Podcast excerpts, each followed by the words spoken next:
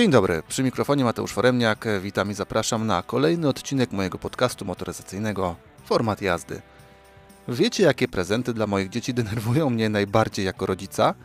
Wszystkie te, które wydają z siebie jakiekolwiek dźwięki. Brrr, na samą myśl aż mnie trzepie w środku i podejrzewam, że kto ma dzieci, ten wie o czym mówię. Cały dzień, w kółko i w kółko, głośniej, ciszej, dzień po dniu, aż do znudzenia. Szukając życiowego odniesienia do wyrazu ambiwalentny, właśnie takie dźwiękowe prezenty przyszły mi do głowy. Bo z jednej strony denerwują niemiłosiernie, z drugiej powodują uśmiech na naszych twarzach za sprawą szczęścia naszych dzieci, bo one z reguły te prezenty uwielbiają. Auto, które opiszę Wam tym razem, budzi bardzo podobne odczucia. Jest irytująco dobre, a jednocześnie dobrze irytujące. Przed Wami Mazda CX-5. Zapraszam na test. Dzisiejszym testem witam w moich skromnych progach nową markę. Cieszę się, bo każdy kolejny producent pozwala mi jeszcze mocniej zaspokoić Wasze potrzeby jako moich słuchaczy i czytelników. Tym bardziej, że Mazda może nie jest najpotężniejszym wytwórcą aut, ale z pewnością ma bardzo wierne grono swoich fanów. Niektóre ich modele obrosły wręcz nimbem legendarności, a sam producent cieszy się całkiem powszechnym uznaniem. Za bezawaryjność, solidność, komfort, ciekawy design i podążanie swoją własną ścieżką. Może trochę mniej za zabezpieczenie antykorozyjne, ale ideałów nie ma. Ta laurka nie ma na celu przypodobania się z mojej strony. Bardziej chciałem pokazać, z jak sporymi oczekiwaniami musi mierzyć się każdy z ich produktów. Nie inaczej jest z autem, które trafiło do mnie na test. Mazda CX-5 jest o tyle ważnym z punktu widzenia Mazdy modelem, że pojawiając się na rynku w 2012 roku, otworzył dla marki zupełnie nowy rozdział w dziejach. Tak, to SUV. Kompaktowy, ale i tak w kontekście tej historii jest to kluczowa informacja. Timing Japończycy mieli znakomity, bo w 2012 roku moda na auta tego segmentu dopiero kiełkowała. Kto wtedy wszedł z takim autem na rynek? Wygrywał. Ci, którzy wchodzili nieco później, w sumie też, ale lepiej było być w czołówce niż maruderem. CX-5 się wstrzeliła i to bardzo. W ostatniej dekadzie był to najpopularniejszy model Mazdy na całym świecie. Zgarniający sporo branżowych nagród, ale przede wszystkim sprzedany w grubo ponad 3 milionach egzemplarzy. Jak na nieco ponad 10 lat obecności na rynku, to naprawdę imponujący wynik. W naszym kraju CX-5 zresztą też jest najpopularniejszym modelem z gamy Mazdy. Sami przyznacie, to naprawdę poważna laurka, tym razem całkiem obiektywna, bo wynikająca z zachowań klientów. Wspominałem już, że CX5 pojawiła się na rynku w 2012 roku. Prezentacja jej produkcyjnego kształtu miała miejsce pod koniec 2011 roku podczas targów motoryzacyjnych we Frankfurcie. Nieco wcześniej, bo w marcu tego samego roku w Genewie zaprezentowano wersję koncepcyjną pod nazwą Minagi. Wspominam o tym, ponieważ mamy początek roku 2024. Od tamtych wydarzeń minęło już prawie 13 lat, a my, chociaż mamy od 2017 roku na rynku formalnie drugą generację CX5, to tak naprawdę wciąż obcujemy z tym, co było pokazane na początku poprzedniej dekady. Jak gdy patrzę na swoje zdjęcia z tamtych czasów, to nie poznaję człowieka. Żony również. Rodzice też zdążyli się zmienić, a moje dzieci pojawić na świecie i już nieco zestarzeć. A Mazda CX-5 wciąż taka sama. No dobra, trochę przesadzam, bo jednak była ta nowa generacja, a niecałe 3 lata temu pokuszono się też o liftingowe odświeżenie. Ale rezultaty tych działań są takie, że każda osoba korzystająca z uroków medycyny estetycznej chciałaby takich efektów. Niby widać, że coś się zmieniło, ale w sumie pewności, że coś było robione, nie ma. Mazda nie mogła skorzystać z diety zmieniającej rysy twarzy i faktycznie pewne ingerencje były. W porównaniu do debiutanckiej wersji projektu, zmianie uległ wygląd zderzaków, przedniego grilla, trochę przeprojektowano światła, na karoserii pojawiło się więcej przetłoczeń. Bynajmniej nie z powodu działalności sąsiadów na parkingach centrów handlowych. Pozostałe aspekty pozostały w zasadzie niezmienne. Ten sam rozstaw osi, praktycznie te same wymiary. Skoro już o nich mowa, CX5 jest klasyfikowana jako SUV segmentu D. Ma 4575 mm długości, 1845 mm szerokości i 1680 mm wysokości. Dochodzi do tego rozstaw osi o wartości 2700 mm. Te wymiary z pewnością stanowią jeden z fundamentów popularności tego modelu. Jest to auto na tyle małe, że bez większych problemów możemy poruszać się nim po mieście. Jednocześnie na tyle pojemne i pod kilkoma innymi względami przystępne, że bardzo dobrze spisze się w rodzinnej trasie. A czy ten samochód może się podobać? Skoro znalazł ponad 3 miliony nabywców, nie będąc japońską odpowiedzią na Dacie, można pomyśleć, że to pytanie retoryczne. Muszę przyznać, że poczułem się zawstydzony czytając materiały prasowe Mazdy, bo takich ochów i achów, jakich naczytałem się o ich podejściu do projektowania aut, no, nie czytałem już dawno. A wymyślanie tych kwiecistych formułek i kunsztownych nawiązań wymagało nielichych zdolności językowych. Przesiewając je jednak przez sitko, Mazda jest dumna ze swoich projektów stylistycznych utrzymanych w filozofii Kodo. Skupia się ona na wydobyciu płynnych linii, wyrazistych detalach i uzupełnieniu tego wszystkiego przy pomocy nietuzinkowych lakierów. Powiem szczerze, lubię stylistykę Mazdy, a jednym z moich ulubionych ich projektów jest Mazda 6, szczególnie w kombiaku. Pomimo ładnych kilku lat produkcji aut według tego pomysłu, nadal wyglądają one świeżo i trudno zarzucać im, że są starociami. A wracając do CX-5, w mojej ocenie dużą rolę w kontekście temperatury odczuć odgrywa jego konfiguracja, od chociażby kwestia lakieru. Ja dostałem egzemplarz wersji Homura, mający wydobywać nieco więcej sportowego pierwiastka tej maszyny. Dokonuję tego przy pomocy czarnych dodatków, takich jak listwy przy zderzaku, lusterka lub felgi ze specjalnym wzorem. W połączeniu z białym kolorem Rhodium White, który wymaga dopłaty blisko 4000 zł, wygląda to wszystko ok. Mam poczucie, że więcej wizualnej ekstazy wykluwa się w egzemplarzach z tym takim mazdowym, czerwonym kolorem, oficjalnie nazywającym się Soul Red Crystal. Mimo wszystko, odbiór tego auta zależy od tego, jak bardzo tolerujecie sylwetki SUVów. CX-5 zdecydowanie nie jest zwiewna i lekka, czuć tutaj pewną otyłość. Mamy początek roku i kwestia dbania o formę jest pewnie u wielu osób na liście noworocznych postanowień. Znam ten temat, bo kilka lat temu byłem w podobnym miejscu co takie osoby i CX5 właśnie. Trochę mi się w pandemii urosło na szerokość i chociaż nie byłem otyły, widać było, że gdzieniegdzie odłożyło się trochę za dużo dobra. A najmocniej było to widać wtedy, kiedy udało mi się nieco wysmuklić sylwetkę. CX5 takich możliwości nie ma, bo musi trzymać się kanonu piękna przypisanego do jej segmentu. Doceniam zatem elementy fajnej i wyrazistej stylistyki, szczególnie z przodu. Doceniam wizualną przynależność do rodziny Mazdy. Całą sylwetkę toleruję, bo znam kilka suwów, które nawet mnie kręcą bardziej, ale też kilka takich, które wyglądają zdecydowanie gorzej. A jeśli czegoś mam się czepiać, w kilku miejscach, szczególnie patrząc na szpary przy klapie bagażnika, spory znak zapytania pojawiał się przy spasowaniu tych elementów. Być może ten konkretny egzemplarz miał jakąś przygodę, którą niekoniecznie ma ochotę się chwalić. A jeśli sami chcecie się przekonać, czy bliżej Wam do chwalenia CX5, czy dalej, sprawdzajcie mojego bloga lub konta w mediach społecznościowych, gdzie wkrótce będę publikował materiały zdjęciowe i wideo z mojego testu. Patrząc na wnętrze CX5, ona wydaje się być wręcz stereotypowym przedstawicielem japońskiej kultury. No bo z czym nam się kojarzy Japonia? Z jednej strony jest oczywiście technologiczna awangarda, z drugiej jednak wielkie poszanowanie dla tradycji i wszechobecny porządek.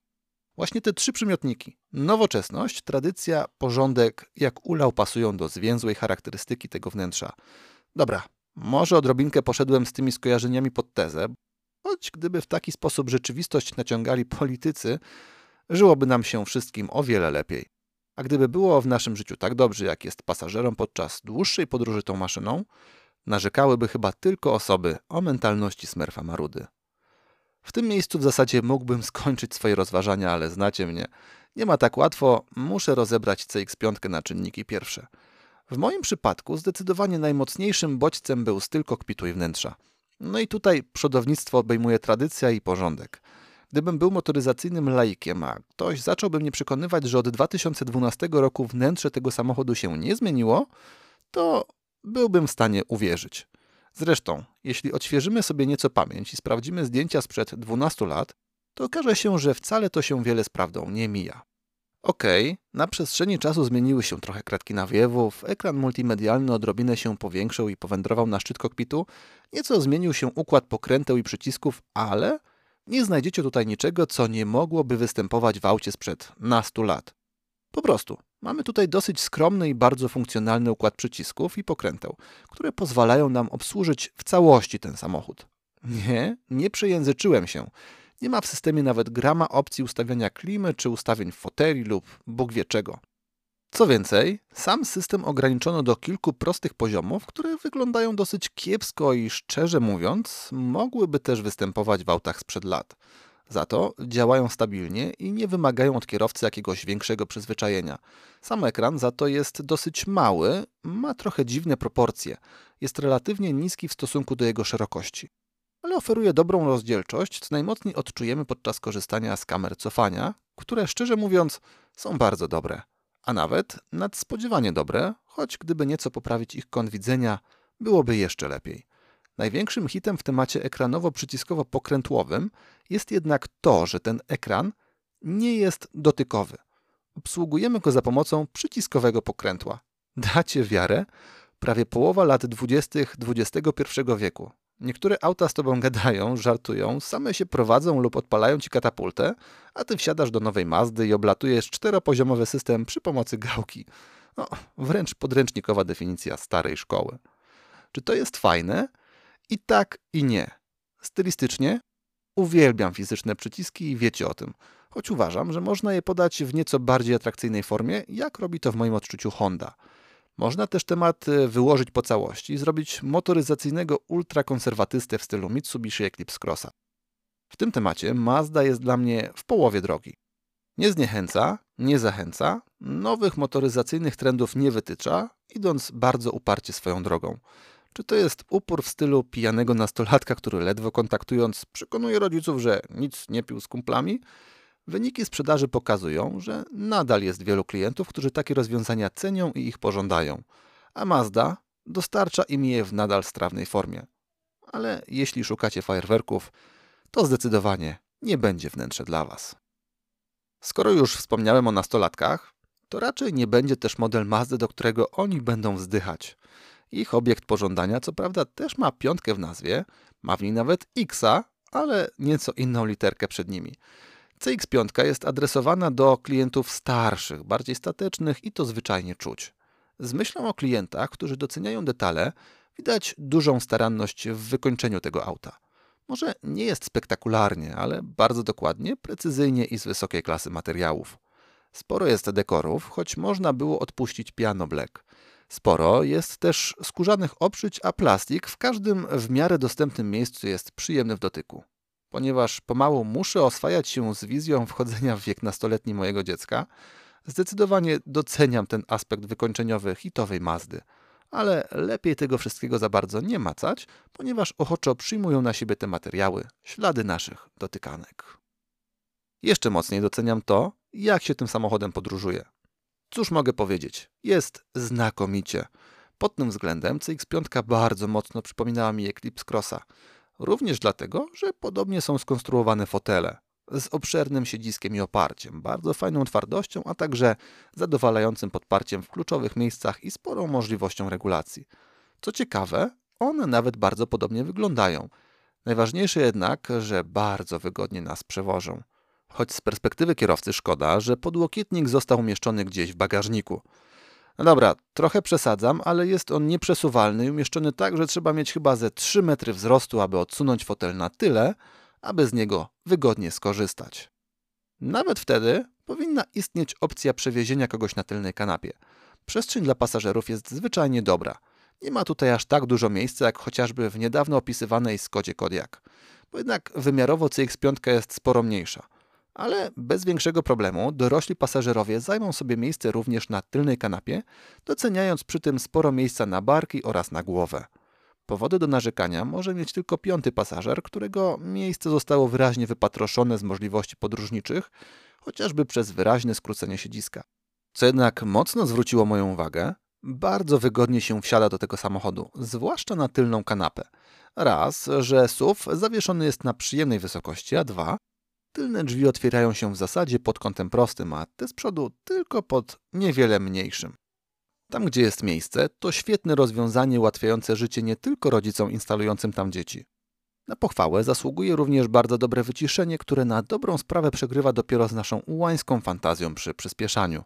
Ale o tym za chwilę. Z tyłu zobaczymy też kolejny element, który świadczy o tym, że Mazda nie bardzo ogląda się na innych. Jeśli zajmiecie miejsce w drugim rzędzie i zaczniecie szukać gniazda USB lub jakichś innych elementów w okolicach ujścia tunelu środkowego, pomyślicie sobie, że Japończycy odstawili jakąś lipę. Bo samochód z ambicjami, a są tylko albo i aż nawiewy. Faktycznie ten tunel wygląda dosyć kiepsko, ale podgrzewanie pośladków i wejścia USB, przynajmniej w tak wyposażonym wariancie, są. A gdzie? W podłokietniku. Dlatego piątego pasażera warto brać tylko w skrajnych przypadkach. Jedyne z czego on może być jakkolwiek zadowolony to fakt, że podłoga między jego nogami ma tylko umiarkowanego garbika. Kiedy takowego garbika napotkamy na drodze, bądź wszelkiej maści pozostałe opcje nierówności drogowych, jako pasażerowie prawie tego nie poczujemy.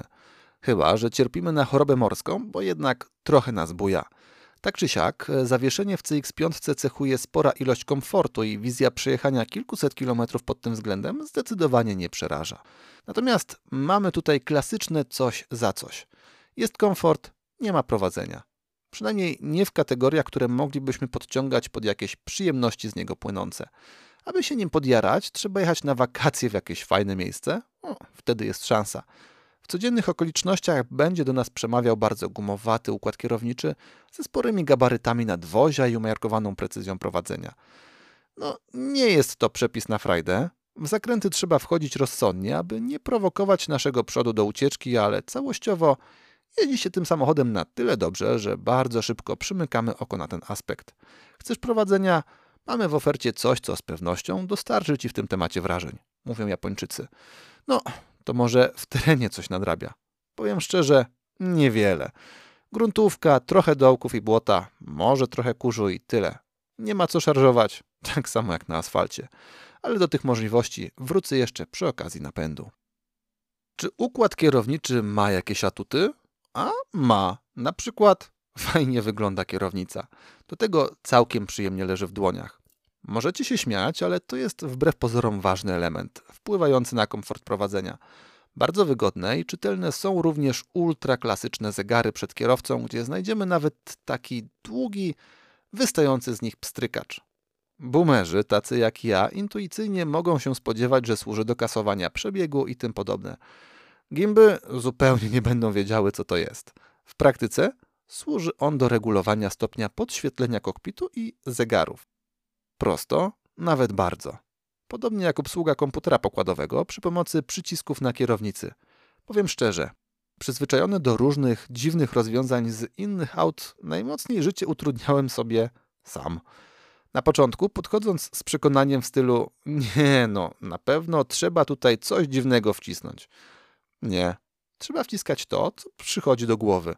I prawdopodobnie tak właśnie zostało to w Maździe rozwiązane. Za to duże brawa dla projektantów. Mniejsze jest za to, że jak sobie poustawiamy pewne rzeczy, to Mazda po postoju o nich zapomni. Na przykład o autoholdzie, więc ważne jest to, abyście wy nie zapominali o nim. Muszę się też trochę przyczepić do kwestii widoczności, szczególnie utrudnianej przez konstrukcję słupka A.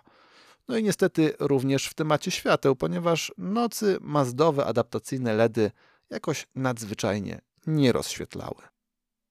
Większych podstaw do czepiania się nie ma w bagażniku. To 541 litrów w podstawie i 1638 po złożeniu oparć.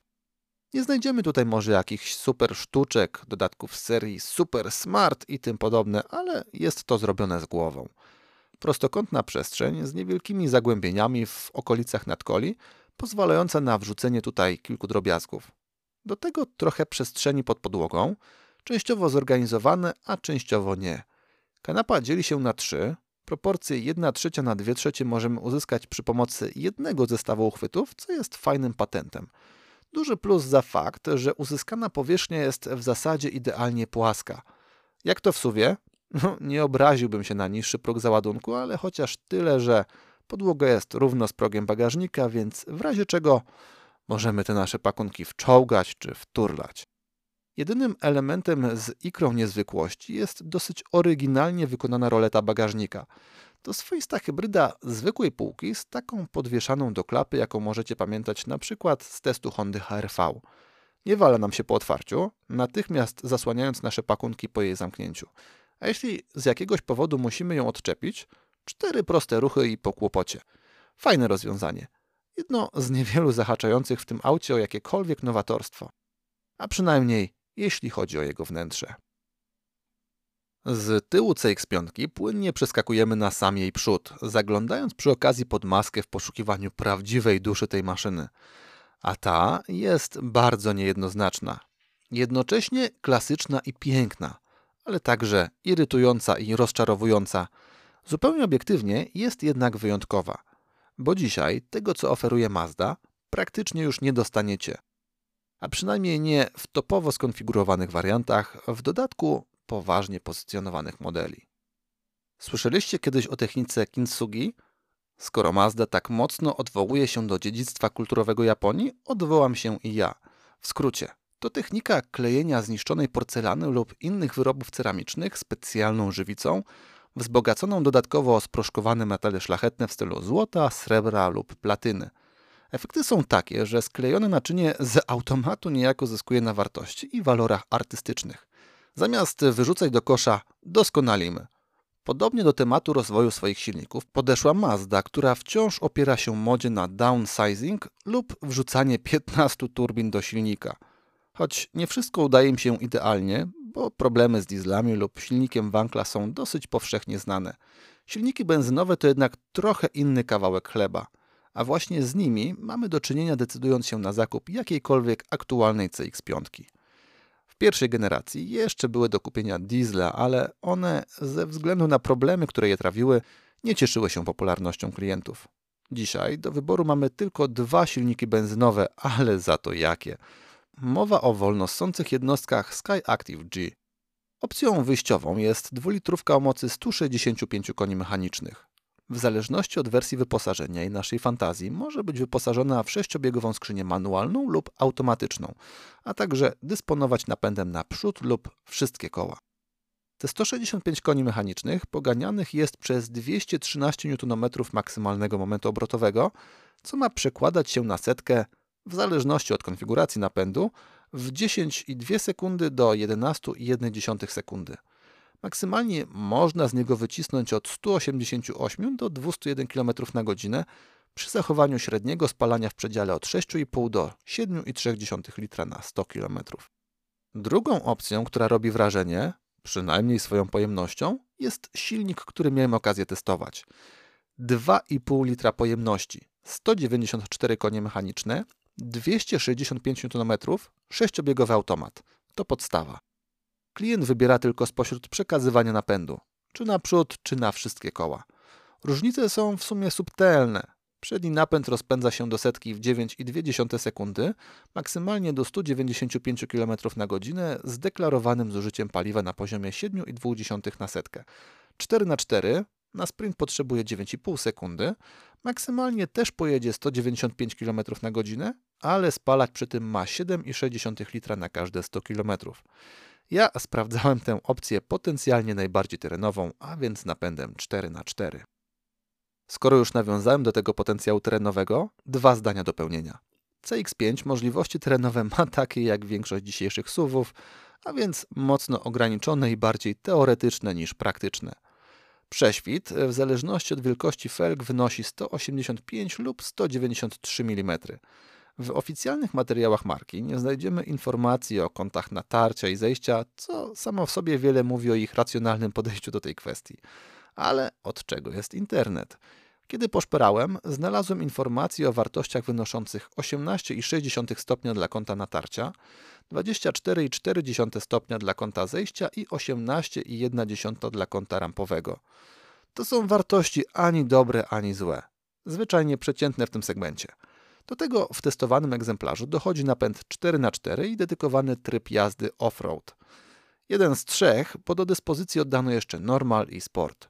W poprzednim odcinku opowiadałem Wam o terenowym dziku, a więc Defenderze. CX-5 to do niego podjazdu za bardzo nie ma, z powodu ogromu tych możliwości w defie i ich obiektywnej mizerii w CX-5.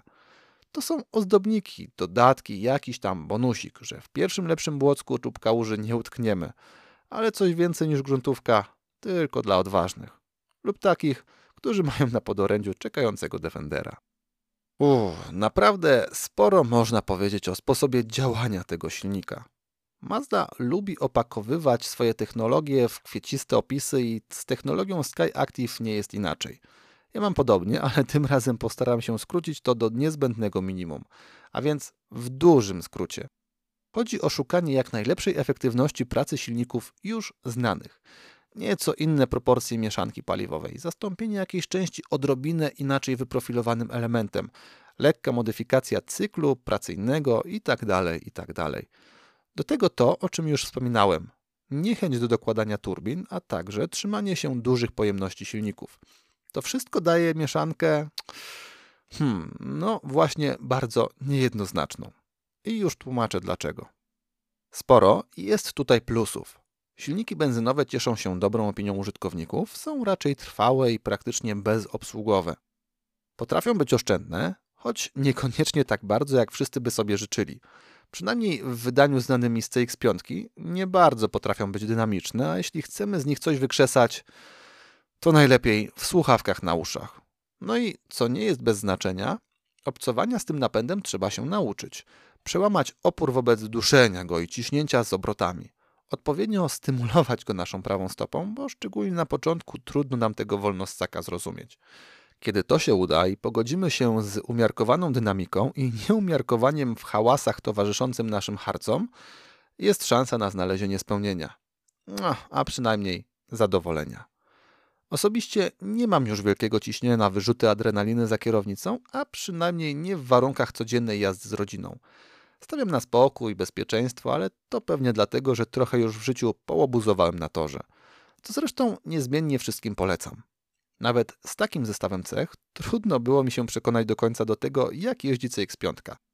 Przyspieszanie to naprawdę ciężki temat. Wyje ten silnik bardzo. Napędza to wszystko średnio. No, przyjemności to tutaj za wiele nie ma. Czujemy się trochę tak, jakbyśmy jechali z lekko zaciągniętym hamulcem ręcznym. Kiedy sprawdzamy, ile zmienia tryb sport, rozczarowanie. To znaczy, wyje mocniej, skrzynia stara się bardziej, ale efektów wielkich znowu brak. Co ciekawe, nic specjalnego nie dzieje się też w układzie kierowniczym. Nie, że jakieś tam usztywnienie dla niepoznaki. Zostaje z nami ta urocza kluseczka. Ważnym aspektem jest też sama skrzynia. Sześciobiegowa, co ma swoje konsekwencje. Przełożenia są rozciągnięte, a jak to w wolnossaku. Zanim but dotrze i coś ruszy, mija sporo czasu. Na szczęście tylko podstawa nie jest wyposażona w łopatki przy kierownicy służące do zmiany biegów. I to jest świetna wiadomość, bo przy wyprzedzaniu naprawdę warto ogarniać temat samemu i zrzucić jeden, a nawet dwa biegi i dopiero cisnąć. Bo na obrotomierzu czerwone pole zaczyna się dopiero za sześcioma tysiącami obrotów, a trochę wysiłku w dotarcie tam trzeba włożyć. Irytującym i trochę bezsensownym rozwiązaniem jest fakt, że korzystając z trybu sport nie skorzystacie z tempomatu. Ciśniesz, to ciśnij, twierdzi Mazda. Można to rozwiązać w stylu z Daci Spring. Ogranicznik prędkości na 140 i but w podłogę. No co, tak sobie radziłem, bo łatwiej było utrzymać stałą prędkość. Choć z tym butem w podłogę to tak nie do końca, bo tam są takie dwa stopnie podłogi. I chcąc utrzymać prędkość, trzeba pozostać na tym pierwszym. Ten drugi bowiem kasuje to nasze ograniczenie, dając nam pełną moc. Idąc dalej, lekko irytujący był system iStop, a więc nic innego jak mazdowe wcielenie start-stopu. Irytował oczywiście samą swoją obecnością, ale włączając i wyłączając silnik było go delikatnie czuć. Choć przy Australu to i tak było mega subtelnie. Jeśli ktoś jest przeciwnikiem systemów zastępujących, y, no, znaczy wspierających kierowcę, tutaj poczuje się dobrze, ponieważ są one faktycznie asystujące i działają bardzo subtelnie. Główną odpowiedzialność za jazdę zwalając na nas. Dla mnie był to spory plus. Aspektem humorystycznym za to jest kultura pracy tego silnika. Na postoju w środku ani go nie słyszymy, ani nie czujemy. Hmm, pełna klasa. Ale jak wyjdziemy i obejdziemy go dookoła, można się zastanowić, czy pod kołami nie mam jakiegoś skrzywdzonego przez nas bulldoga. Tak dziwnie on hałasuje. Ale w środku, przynajmniej na postoju, podkreślam jeszcze raz. Nic z tych rzeczy. Dlatego, kiedy słyszałem go z zewnątrz, po prostu uśmiechałem się pod nosem. Chociaż niewielkie wibracje przy niskich obrotach, podobne do tych, które czułem w Skodzie Kodiak, aż tak radosne, gdybym był właścicielem, by dla mnie nie były. A czy uśmiechałem się patrząc na wyniki spalania? Powiedzmy, że nie płakałem. Wielkiego szału nie ma, powodów do rozpaczy w takim aucie też nie. Mazda deklaruje tutaj poziom 7,6 litra na 100 km. Mi tak pięknie nie wyszło. W mieście ani razu nie zszedłem poniżej 8 litrów. Najlepszy przejazd to 8,2. Jeżdżąc w trybie eko nie wchodziła mi w żadnym przejeździe dziewiątka. Kiedy postawiłem na tryb sport, już ta dziewiątka się pojawiła, dochodząc maksymalnie nawet do 10,3 litra. Drogi krajowe oczywiście wypadły najlepiej. Od 6,4 w trybie Eco do 7,4 w trybie Sport. Eski zaskakująco solidnie w każdej konfiguracji. 8,3 do 8,9 litra. W warunkach autostradowych kręcimy się już wokół magicznej dyszki. 9,4 do 10,6 to widełki moich pomiarów. Z całego testu uzyskałem średnią na poziomie 9,4, ale sporo było tutaj nauki tego silnika. Wyciągając średnią z najlepszych przejazdów, wyszło mi 8,1 litra, co wstydu nie przynosi przy napędzie 4x4 i niemałych gabarytach. A przynajmniej nie mamy wciskanej hybrydy za jeszcze plus 30-40 tysięcy przy kasie. Takie spalanie to realny scenariusz dla każdego początkującego użytkownika tego silnika, tylko pół litra powyżej deklaracji producenta. Mam jednak poczucie, graniczące wręcz z pewnością, że przy dłuższej znajomości można tutaj jeszcze trochę pourywać tych mililitrów, bez wielkiej szkody dla naszych rajdowych ambicji. Pamiętam, że kiedy dorastałem i oglądałem telewizję, najbardziej znienawidzonym przeze mnie momentem dnia w programie była prognoza pogody. No nie znosiłem jej, a w szranki nudy stawał z nią wyłącznie agrobiznes, ale z nim miałem styczność tylko jak byłem chory. Za agrobiznesem nie przypadam do dzisiaj, ale prognozę pogody sprawdzam codziennie. Ćwierć wieku temu nie czaiłem, po co rodzice to chcą oglądać. Przecież to nuda, nic się tam nie dzieje, dawajcie coś ciekawszego. Ja rozumiem, że dzisiaj wiele osób może powiedzieć tak o CX-5. Wiele lat temu pewnie powiedziałbym podobnie. Aktualnie coraz lepiej rozumiem jednak drugą stronę. Mazda udowadnia w CX-5, że lepsze faktycznie bywa wrogiem dobrego. Prostota, solidność i jakość bronią się wyśmienicie. A że przy okazji jest nudno, a czy faktycznie zawsze musimy stawiać na emocje? Niezmiennie uważam, że jedną z najważniejszych i najfajniejszych rzeczy w życiu jest mieć wybór. Mazda ciągle pozwala wybrać klasyczną, w dobrym tego słowa znaczeniu, motoryzację. I po swoim kontakcie z tym autem wiem jedno: niech trwają w tym jak najdłużej. Choć muszą trzymać rękę na pulsie, aby nie w każdym aspekcie być motoryzacyjnym skansenem, co tyczy się głównie designu wnętrza. Tym bardziej, że za swoje klasyki każą sobie nie licho płacić. Według konfiguratora aktualnego w dniu publikacji testu, na CX5 trzeba mieć przygotowane przynajmniej 158 tysięcy złotych.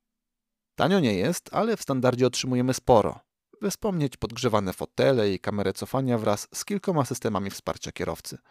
No i co nie bez znaczenia, to nadal sporo mniej niż na przykład za konkurencyjną Honda ZRV, która startuje od 190 tysięcy złotych. Za takie pieniądze dostaniecie już topowo skonfigurowaną CX-5 w wersji Sportsline. Nawet z jakimś bonusem, bo jej ceny startują od 186 tysięcy. Za to kończą się już w absurdalnych rejonach. Testowany egzemplarz został wyceniony na 216 tysięcy złotych, co jeszcze można w dzisiejszych realiach przełknąć. Ale kiedy po skonfigurowaniu wszystko mającego egzemplarza pojawiła mi się kwota 295 tysięcy, 290 zł i 52 groszy, zrobiło mi się słabo. A ciągle mogłem dokupić na przykład fotelik dla dziecka lub bagażnik na rowery, które też były wśród opcji.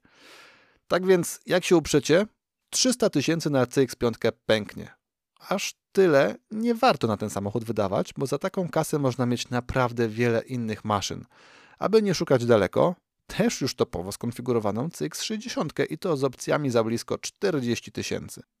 Natomiast w kwocie do 200-220 tysięcy można sobie CX-5 naprawdę ładnie dopieścić. Ale zanim podejmiecie jakiekolwiek kroki wobec tego auta, konieczna jest solidna jazda próbna. Musicie się przekonać, czy wasz zestaw cech osobowościowych pozwala na takie auto. Aż ciśnie się na usta stwierdzenie, czy już pozwala, ale to na tyle specyficzna konstrukcja, że wielu osobom raczej nie siądzie nigdy. Ci, którzy zdecydują się na nie świadomie, powinni być zadowoleni. W tym odcinku to już wszystko z mojej strony. Serdecznie zapraszam do kontaktu oraz słuchania kolejnych testów. Pamiętajcie też, aby zaglądać na mojego bloga, a także Instagrama i Facebooka. Dziękuję za uwagę i do usłyszenia.